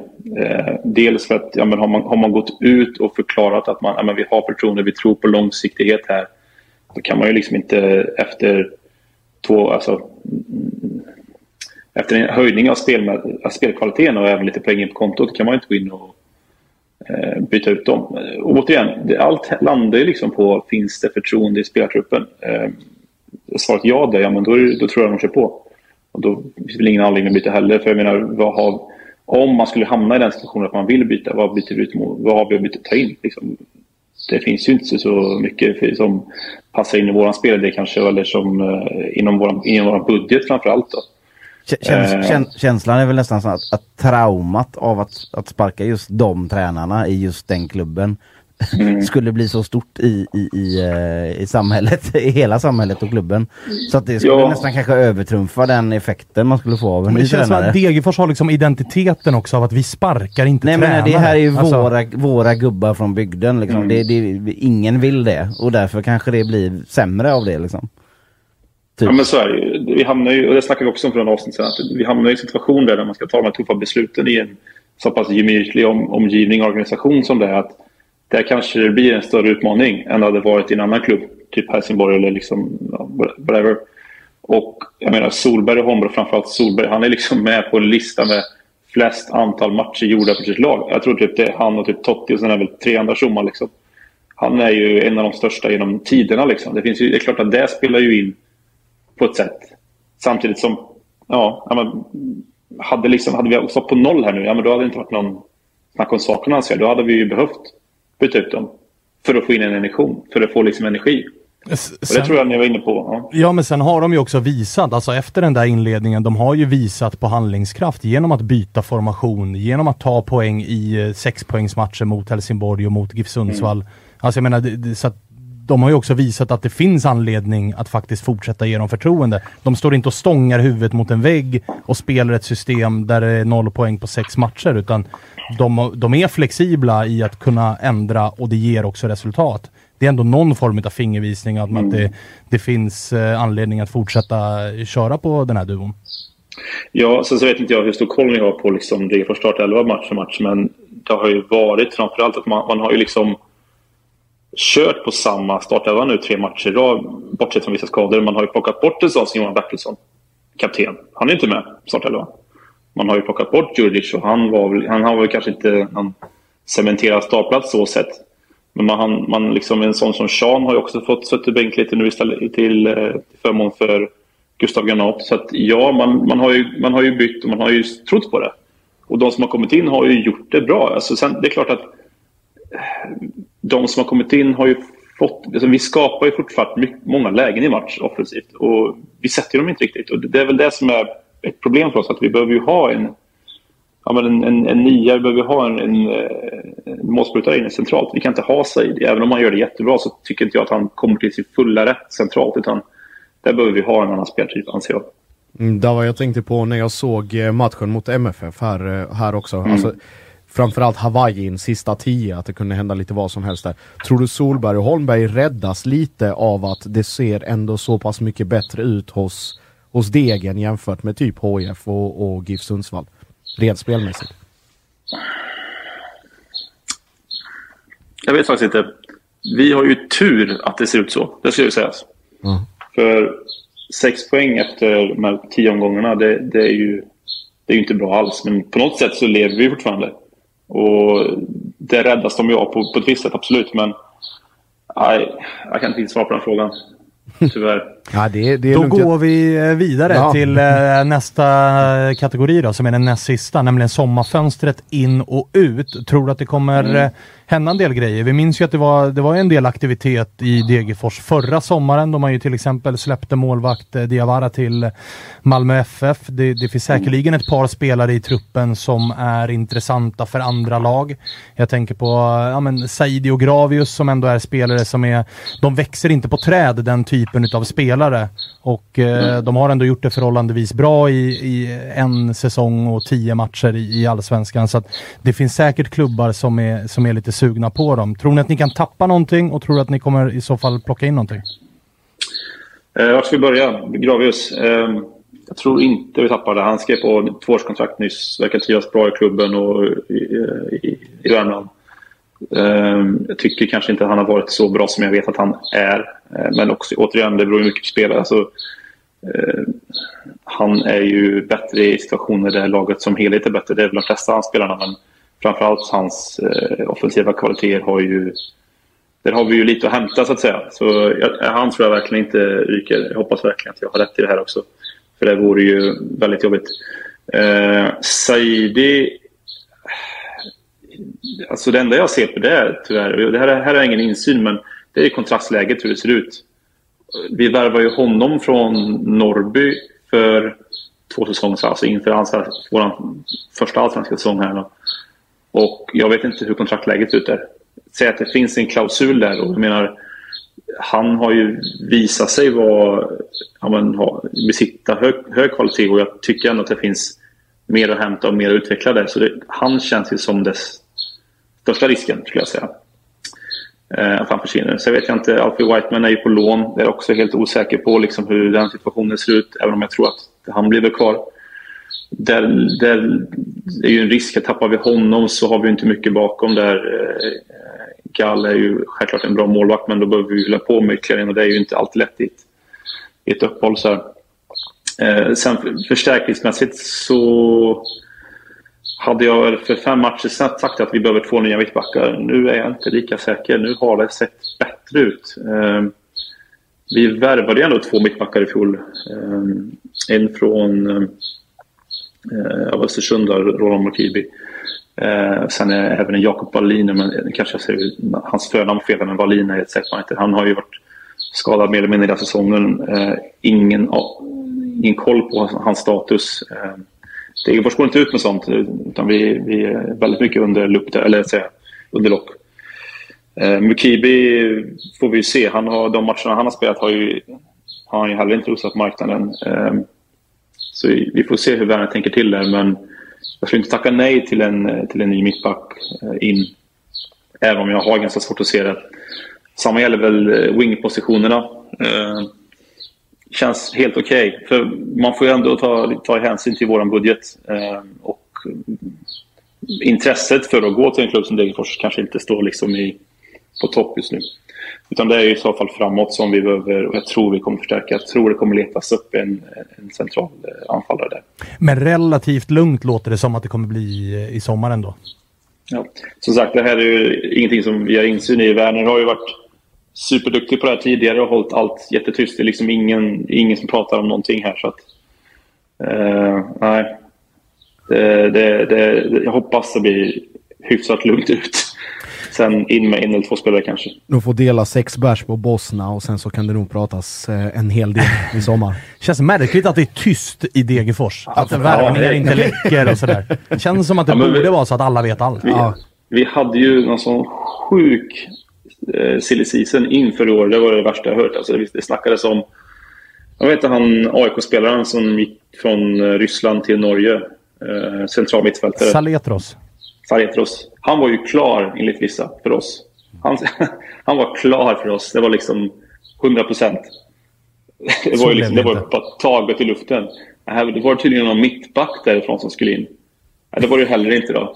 Så att de här, de här kontona som sprider den här informationen får man ju ta med en nypa salt. Och för två år sedan då var det ju snack om att vi skulle ha samarbete med Tottenham liksom, och få in unga spelare där i, därifrån för att ge dem speltid. Liksom. Och då var det ju snack om en central mittfältare och en back också. Så att, alltså, nej. Det, det, den, den, den största, eller den bästa sillysnubben vi har är ju en kille på ett forum. Han, han, han bor ju på riktigt mitt i alla liksom snubben på en han, sitter, han har alltså suttit med filmkamera på en balkong och filmat alla som åker in och ut. Det, Och så har han lagt upp så här, de, nu kommer det tre snubbar här. De ser ut att vara lite äldre. de Kan det vara någonting kanske? Det råmaterialet vill man ju bara liksom bingea en hel sommar så. Ja, ja, ja. ja, ja. Ja, absolut. Legend. Det går, går säkert lösa. Jag kommer inte riktigt ihåg vad, han, vad hans nick var på var ett forum. Men det var någonting så här, mannen på balkongen eller något sånt där. Det låter som en Beck-film. Ja, pal. Palmemördare. Ja, verkligen. Alltså, läskigt. Eh, du, vi, ska, vi ska avsluta då med att du får ett betyg på våren. Olof satt här och gav en ganska tydlig etta till Helsingborgs IF. Vad, vad, stämmer du in i, i ettan-kören eller, eller två är ju godkänt? Ja, nej, men det är detta. Det tycker jag. Ja. Alltså det går ju att diskutera det här fram och tillbaka. Liksom, sett över en säsong, så kanske, eller sett över den här delen, så kanske man lutar mot en tvåa senaste fyra matcherna. Men någonstans landar vi kanske på en etta, 1,7 liksom någonstans där. Vi vet ju att vi har haft ett svintufft spelschema inledningsvis och det har ju påverkat. Och det är ju så sjukt hur mycket liksom, ett självförtroende kan göra i den här, i den här serien. Alltså det, bisarrt egentligen. Ehm, men nej, jag tycker inte att vi får godkänt sett till vilka lag vi har mött och hur mycket poäng vi har. Jag hade ju som sagt hoppats på att vi hade kommit längre liksom, i våra, många delar av vårt spel. Um, så nej, jag tycker inte vi får godkänt. Även om jag tycker att det ser mycket, mycket bättre ut nu senaste fyra än vad det gjort eh, de matcherna innan. Ja, och man har det ju hellre så. Alltså, hade hade du, fått, du hade ju inte samma resultat i samma matcher. Då har du ju hellre den här avslutningen på våren än om du hade bytt plats på dem och avsluta med sex raka torsk och gå på en månads ledighet. Den hade ju inte varit jätteskön. Nej, och liksom gör en liksom referens till förra säsongen. När vi gick på låda, låg vi typ fyra, delad på fyra. Liksom. Då var det ju snack om så här, ja men fan kanske kan Europaspel, det var kul liksom. Det var ju Lilla sjuk, sjuk, in. sjuk hybris där. Sen, går, sen så vinner vi väl matchen direkt efter uppehållet mot Östersund hemma. Sen är det väl typ rakt ner. i- Ja, det är väl tio raka utan seger va? Jajamän, det är brutalt dåligt. Eh, och som vi snackade lite om där innan, att så här, vi, vi, vi, alltså, vi, vi ska ju inte slå liksom... Alltså, vi ska ju inte slå Malmö, varken hemma eller borta. Och vi ska ju inte slå Djurgården borta. Eh, så är det ju. Vissa matcher det, det får man nästan räkna med, eh, med förlust på något sätt. Eh, men vi måste ju ta poäng. Alltså den här Varberg-matchen borta, alltså, den grämer mig så sjukt mycket. Att vi inte lyckas ta poäng i den här matchen är för mig... Ja, det är så sjukt otroligt egentligen. Eh, jag antar att ni inte har sett den matchen, men den är ju, vi får ju ett rött kort med oss i den men 16 matchen, 16 minuten och vi kvitterar och vi ligger på för, två- för, för 2-1 till oss. Ett felpass hem, vilket leder till att vi får ta en tilläggsutvisning och de på den frisparken trycker in 2-1 i 93 92 liksom. Ja, den var så. Jag tyckte verkligen inte Varberg var bra den matchen. Jag tycker inte Varberg har sett bra ut de två senaste matcherna. Och det, är, det är ändå ett Varberg som historiskt sett har varit sjukt starka på hemmaplan. Eh, Alltså det, där, vi får inte tappa den matchen. Det, det, där ska vi ha poäng. Kryss hade jag tagit alla veckan där liksom. Finns att jobba på fortsatt med andra ord. Du, vi ska ringa mm. Sean här om en liten stund. Har du någon eh, Mm. fråga till honom eller någon hälsning till honom? Ja, han får ju definitivt göra lite mer podd där nu med sina, sina homeboys. Bra. Det, det, det saknas ju extremt mycket. Eh, nej, men det är väl liksom bara, ni får gärna kolla läget där med stämningen i truppen. För allt jag har hört med dem jag har snackat med så det, det är ju fortsatt bra stämning liksom. Och det, det syns ju på även i spelet att saker och ting är bättre. Självförtroendet är bättre. Eh, alltså, jag har, har egentligen ingen fråga där utan det är väl bara liksom peppa honom och önska honom lycka till. Det ska vi definitivt göra. Du, eh, tack för att vi fick eh, ringa. Vi hörs eh, längre fram. Ja, ha det så bra boys. Samma. Ciao. Tja! Tja! Tuttosvenskan är sponsrad av Sveriges snabbast växande underklädesvarumärke och vid det här laget så vet ni mycket väl att det är Weird jag talar om. Alltså W-E-A-R-D. Ja, men ni vet idioterna som fick för sig att ta det gamla ätpinnematerialet bambu och helt plötsligt bara göra världens lyxigaste underkläder av materialet. Plötsligt har man då sett till att bambu numera är framtidens material. Nu är det slut på tiderna när man satt och beklagade sig över sina sladdriga, trötta gamla bomullskalsonger. Ja, men ni vet de där man hittar längst ner i lådan när det börjar nackas tvätttid i hushållet och istället bara byter ut hela underklädesgarderoben och fyller upp den med premiumprodukter från Weird. Och hur ska man göra det då? Jo, man använder givetvis koden SVENSKAN30 när du lägger din beställning. För då får du sjuka jävla 30% rabatt på allt! Ja, men ni hör ju, inga ursäkter längre, utan in på weird.com, alltså W-E-A-R-D.com och lägg er beställning. Och vi på Toto-svenskan, vi säger stort tack Weird. Mannen på balkongen. The Ja. complete series. Alltså. Ja, ja, ja, Vilken ja. gåshud alltså. Herregud alltså. Fan, en sån murvel Josip. Du är inte ens nära den nivån ju. Balkongen, nej. Nej, sitta med videokamera. Filma alla som går in och ut. Ja, jag borde, borde sätta mig i något träd utanför eh, Malmö stadion och filma nere på kontoret. Ja, ja. Men då hade ju parkförvaltningen kommit och sen hade det blivit Sen hade det varit sex månader Malmö häkte för dig. Var det hans fågel tror ni eller var det någon som bara... Det är ju, Skogen. Det var lite undulatkompatibel ändå. Ja. Det är ändå idyllen om det är kvitto från liksom en fågel i naturen. Då känns det ju ändå så här. Bra tryck i den pipan så fall. Lite trött på den var jag faktiskt. Där Ja, var det, det. det, var jag håller med. Men eh, han känns ju... Inte, han har ju vi har ju haft med Davva när han har varit mer uppgiven än vad han var nu. Mm. Men det är ju mycket de har att grubbla på där nere. Alltså den stora frågan är väl så här, har, har det varit rock bottom eller finns det en körare till där? För det är ju, inte- det är ju inga liksom jättebra lag de har slagit ändå. Nej, och säga så. dessutom så här, den här GIF Sundsvall-segern, den är, det är ju en- tre en, poäng. En dopad seger. Men exakt, det är ju lite av en falsk trygghet i den segern i och med att man gör liksom mentala minuter. För ska man jämföra med Helsingborg så har de ju, en, Helsingborg har ju faktiskt gjort bra insatser mot bra lag, mot Elfsborg och Häcken i slutet och, och Djurgården borta på Tele2. Det är ju Ja, jag menar uddamåls- svåra matcher liksom. Uddamålstorsk mot Blåvitt hemma kan Ja. vara ett kryss. Uddamålstorsk mot AIK hemma kan vara ett kryss. Alltså man, Man- har man är- lite medflax sådär. Man är ju där och känner på högre höjder på något sätt. Ja. Det tycker jag kanske vi missade lite när vi pratade om Helsingborg. Eh, Degerfors fall så är det ju en, en jävla stjärnvinsten mot, eh, mot Sundsvall och så är det mot Helsingborg. Ja, av bara farten. Har de, Ja. har ju Ja. vunnit då rätt matcher. Alltså jag, jag är med på ditt resonemang med men de Det har är ju vunnit. svårare att ta en poäng på Tele2 än vad det är att- vinna mot GIF Sundsvall, typ. Ja. Mm. Det är Ja. det ju. Och de har ju dessutom den här... Alltså Helsingborg har ju, ja det är väl Värnamo hemma 4-1. Det är väl ungefär som 0-6 hemma mot Elfsborg då. Vilket Ja. ju Degerfors åkte på. Så att jag tar tillbaka den tanken jag hade om att eh, Degerfors har visat en lägre lägsta nivå. Det kanske de inte har i och med Helsingborgs... fast, fast Ja, den men mot 1-4. Elfsborg. är det- Ja, nej. Ja. 1-4 hemma mot Värnamo. De slog ju i Bayern. Jo, men 1-4. Det är Ja, stora det- siffror alltså. Ja, jag, jag påstår att Degerfors har varit längst ner ändå på något sätt. Och så hela den streaken. Alltså, så jag är inte säker på att Degerfors har varit nere och vänt ännu. Det, det ska man inte vara säker på. Nej, det, det kan jag faktiskt hålla med dig om. Eh, Josip, har du någonting runt eh, Degerfors eh, in, ut, knäpptyst? Tyst som i graven. där Den här. Campos då, såg inte han säljbar ut?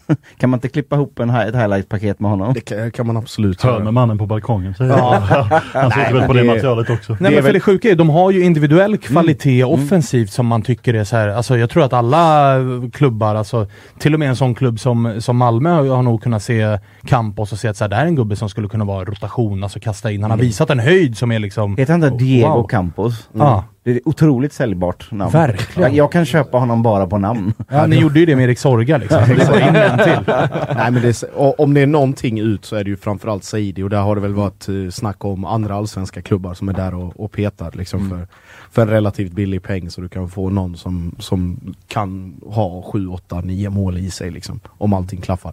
Det är väl det och sen vad var det, jag har läst något snack om, eh, om Zweite Bundesliga eller vad fan det var. Men det är, det är väl mest sannolikt att han tar ett steg uppåt i det- den allsvenska hierarkin. in- först. invecklade agentnätverken som, eh, som har sina förgreningar ner till Zweite.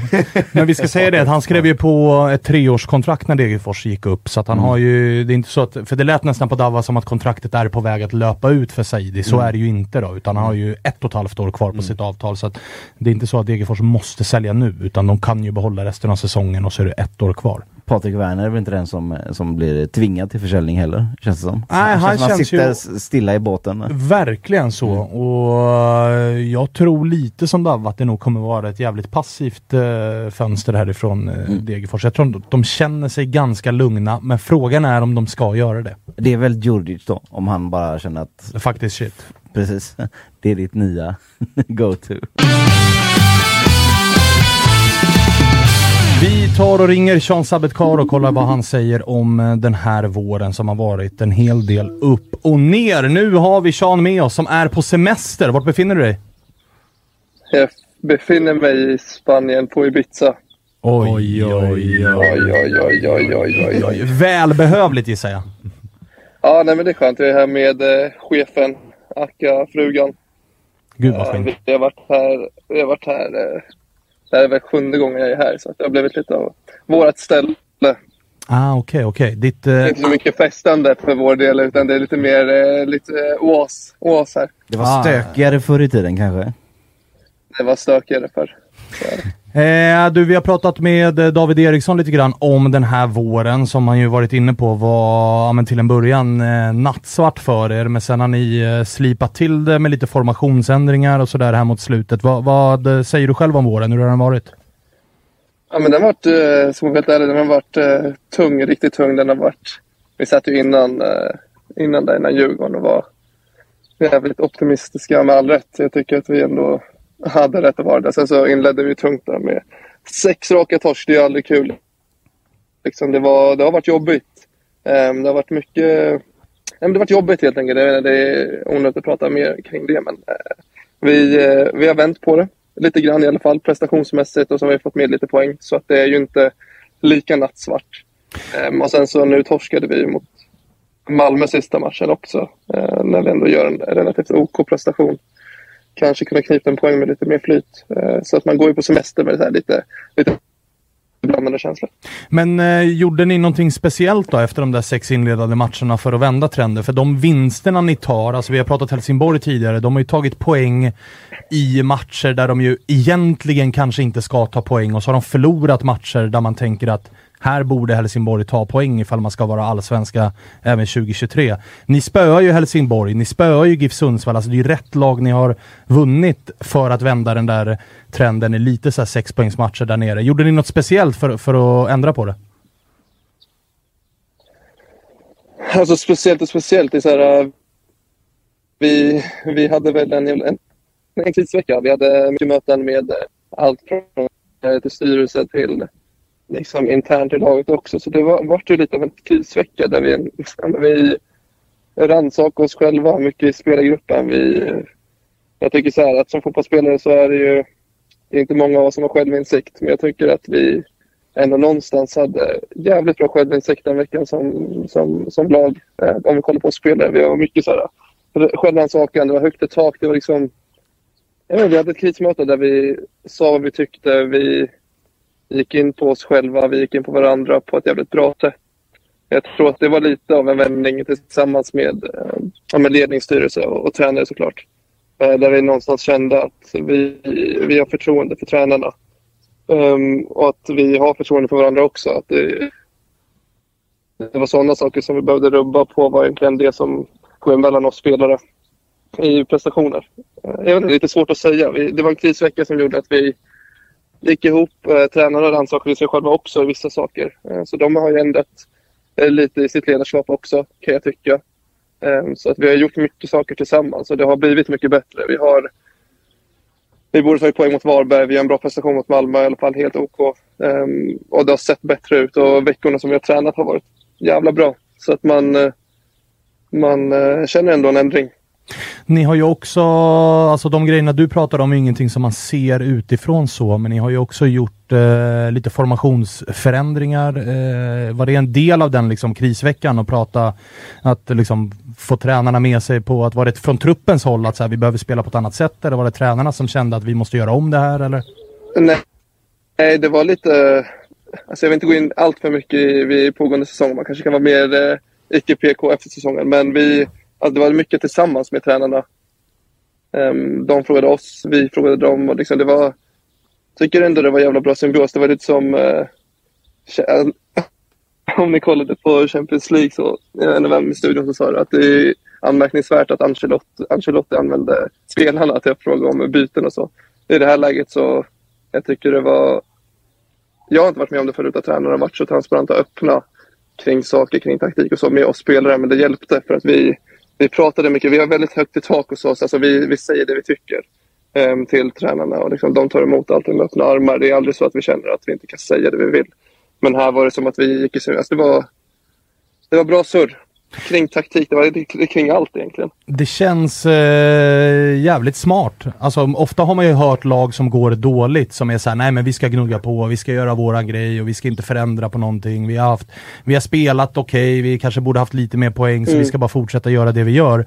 Medan ni, eh, som du är inne på, gör raka motsatsen. Att man ser verkligen krisen för vad den är och man sätter sig ner och gör någonting drastiskt åt det. Det behöver inte vara att man vänder upp och ner på allt, men att man, man ändå vänder på varje sten. Du är inne på att du aldrig varit med om det tidigare i, i någon klubb. Nej, precis. Alltså, det finns ju alltid en risk i att eh, när det går käpprätt åt helvete att man så väljer och Alltså det finns inget facit, det måste jag ändå säga först och främst. Eh, Men det hade varit jävligt enkelt att bara sparka tränarna, göra om allting, få in någon ny tränare som egentligen tror på något helt annat och sen så bara får man gnugga därifrån. Det går att göra på det sättet och det är lag som löser det därifrån också. Men vi valde att göra på det här sättet. Ehm, och jag tycker att det har gett effekt. Eh, visst, vi har fått lite poäng. Men eh, om man kollar till våra veckor och träningsveckor så har det blivit en jävla stor, stor ändring och det gör att vi känner oss Alltså vi, vi är med i matchen i allra högsta, liksom, allra högsta grad. Hade vi torskat där mot Sundsvall och Helsingborg, ja men det hade det sett. Om det såg nattsvart ut innan så vet jag inte vilken färgkombination på svart jag skulle säga. För att det, det var tungt. Eh, men nu känns det som att vi, vi har saker på gång. Och det känns som att vi i laget, vi har det är nice stämning med tanke på läget ändå. Och det var Alltså, det jag liksom tänkte... gemensamt. Det var det jag tänkte komma till. Eh, David skickade med oss en fråga och det var just det där med eh, hur stämningen är i, eh, i truppen och, och hur den har varit och hur den har förändrats här under, under våren. Men det låter ju som att det, är- det är ett jävla go nu. Alltså det var så det, det var redan jävligt bra stämning innan. Det sa jag ju där innan Djurgården och sen så vart det nattsvart. Ehm, och då är det fan det, det är ändå tecken på att eh, vi har en stark grupp för att det är väldigt, väldigt enkelt att så här, du vet, när det går dåligt, vi börjar peka på varandra och det sågas hit och dit och man skyller på varandra och skyller på saker. Och, och det, hände- det, hände, det hände hos oss en liten period, men jag tycker fan inte det tog över på något sätt, även fast saker och ting gick jävligt dåligt. Eh, och det är ett bra tecken tycker jag, hur man har byggt laget med, liksom, om man kollar på individerna som människor, inte som fotbollsspelare. Om vi kollar bara på personerna som vi har i vårt lag så tycker jag att det är nice att vi ja, men reagerade på den tunga perioden på det sättet. För nu känns det som att vi, ja, men vi är starkare än någonsin. Eh, sen när jag kom till Degerfors i alla fall. Och det känns bra så att vi det känns positivt. Alltså stämningen är bra. Eh, vi har dock höjt krav, kraven på oss själva i, i träningarna. Så att det smäller till på träningarna. Det kan vara lite småtjafsigt eh, och småbråkigt men det är ingenting som går över någon viss nivå. Utan jag tycker att det finns en, så här, eh, en eld som kanske inte har funnits tidigare när jag varit i Degerfors. Och det tycker jag är bra. Jag tycker att det, det är okej att vara småtjafsigt. Det är okej att liksom, tävla på träningarna. Eh, Sean, jag tänkte på en grej också som hände sist Abdo var med. Han, eh, han påminde oss om att du leker fett smart och att du har fe- så här fin titel och sånt men du egentligen trodde att det var en, Mm. en halv miljon människor som bodde i Örebro. Vad har du att säga till ditt försvar? Jag är, alltså grejen är att jag är så pass smart så att jag vet att jag är dum. Så. Vad var det där för någonting? Vad är det för förklaring? Du sitter och sågar Abdo i, i en kvart första gången och sen så biter han tillbaka och sen bara "Ah, jag, jag, jag erkänner att jag, det var det svagaste jag hört. Men Det är den nya är teambuilding-stilen va? Verkligen. Det är, så, det, är, det är samma här igen, självinsikten. Jag vet att jag inte är tillräckligt smart. Det är också en viss smarthet kan jag tycka. Du, han, han slutade ju inte där eller? Han började ju också hetsa om, eh, om jag menar, modegrejer och, och eh, sådär. Det, är, är det en liten minibeef? Nej, jag, alltså jag och Abdo hänger varje dag och jag... eh, Och sen, vad säger du sättet så vet jag att han är som en lillebror. Så att när han har problem med räkningar, när han har problem med saker i livet, så är det alltid Sean, Sean, bror jag behöver hjälp. Så jag vet vad han egentligen tycker, så jag behöver inte gå ut och svinga för att eh, jag vet att det bara är kärlek. Annars så... Jag vill inte, Vi har ju med oss eh, Kalle här. kasta honom, under- jag, vill, jag vill inte kasta honom under bussen allt för mycket, men jag säger bara att när han behöver de här riktiga, riktiga hjälpen kring saker i livet, då gör det första samtalet. Eh, vi har ju annars Kalle här som ju, som ju har lite modetips. Eller hur Kalle? Nej, jag har inte det idag. Ah, okej, den inte kommer inte idag. gå sen. Så att, Ah, Okej, okay. det var ingenting. Vi hade lite modetips när du var med, när du var med tidigare i alla fall. Eh, men du, fan vad kul att höra då att det ändå är, är god stämning i laget och eh, att Abdo är eh, på gott humör. Vi har ju pratat om att Abdo kan vara en spelare som ni eventuellt kan tappa här under sommaren. Han har eh, fina egenskaper och, och en spelare som ju inte växer på träd, sa jag. Att det är många klubbar som är större än Degerfors som säkerligen kan vara intresserade av hans tjänster. Tror du att ni får boll honom?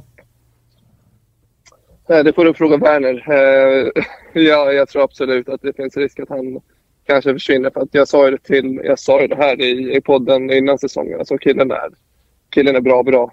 Eh, men jag ser saker han gör dagligen på träningen och han är klass. Så att det finns absolut en risk att han försvinner. Eh, Och det skulle ju vara topp för oss såklart. Eh, Så för egoistisk del så vill jag ju att han är kvar. Eh, Men som hans vän så skulle han få någonting som är riktigt bra för honom sportsligt så förtjänar han ju det. Så.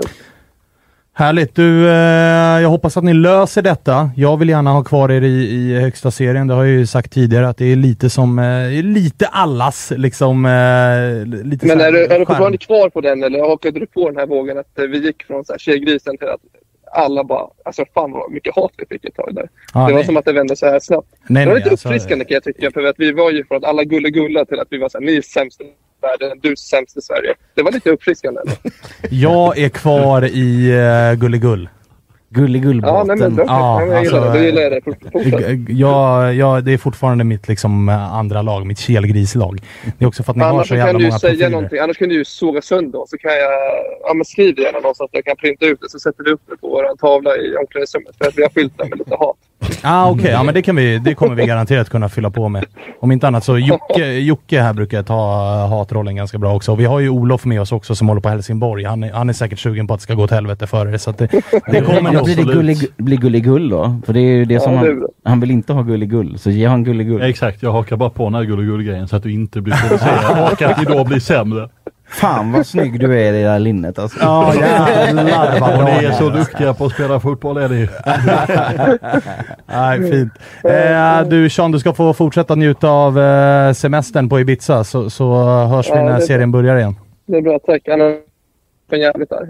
Jag lovade henne att det inte skulle vara så mycket fotbollssurr under semestern. Men Ah, Okej, men det här var första och sista. det är bra. Bra då, hörs Ha det vi. bästa, vi hörs sen. ha det fint Ah, Sean. tja, tja. Alltså jag, jag brukar ju inte vara lättsåld så.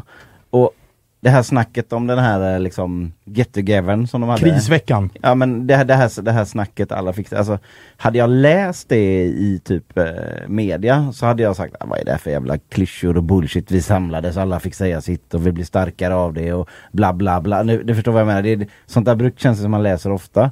Men jag tycker han sålde det jävligt bra här, det kändes verkligen som att han trodde på det här själv och det, känd, ja, det, känd, det kändes verkligt när han berättade det. Ja, och att, klyschigt nej, och att det dessutom gav någonting. Ja men det Alltså, kändes inte klyschigt när han sa det. Men hade jag läst det då tyckte jag bara, ah, så random snack liksom. Men, eh, Och ja. det tror jag framförallt har att göra med att, eh, och han är inne på det ganska tydligt ju, att tränarna var med på båten. Han hade Mm. varit med om tränare som typ har varit, jag vet inte om han sa det ordagrant, men så pass ödmjuka Mm. i att de verkligen förklarade Liksom, ja, men allt ifrån taktik till eh, liksom gick in på grejer som var utanför fotbollen. Att alla verkligen petade på varandra som en sån här, du måste bli bättre på det. Det tror jag inte är jättevanligt. Jag tror snarare Nej. att en, grupp, en spelargrupp kan säkert sätta sig ner och ha någon form av krismöte när det går åt helvete och sen nu höjer vi oss grabbar och hit och dit. Vi måste höja kraven.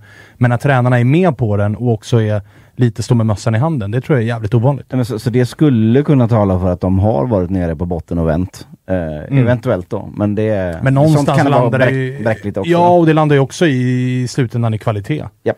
Alltså Mm. du kan ju knyta näven jävla mycket du vill. Har du inte kunnandet så, så kommer det ju vara skitsamma Ja, i man, kan slutändan. de, man kan göra de samtalen man vill. Vill, vill inte poängen in sen så är det skitsamma. Men, men det är ändå, jag håller med dig, det är ändå imponerande ur ledarskapssynpunkt om man nu ska trilla in på den. Att det liksom ändå kunna ta det, för det handlar ju om en auktoritetsfråga. Att man sätter sig ner med dem som man ändå ska bestämma över och säger så här, nu har vi ett öppet samtal här. Det är ändå, ja, jag tycker också, jag håller med dig Jocke, jag blev ändå liksom lite, man blir lite imponerad. och Lite Och kul också att han nämner att så här, vi har ju två vägar att gå efter sex raka torsk. Antingen sparkar vi tränaren och så gör vi det och det, kan, det funkar för vissa. Vi valde en annan sätt att gå, att vi behåller tränarna, men då måste tränarna också...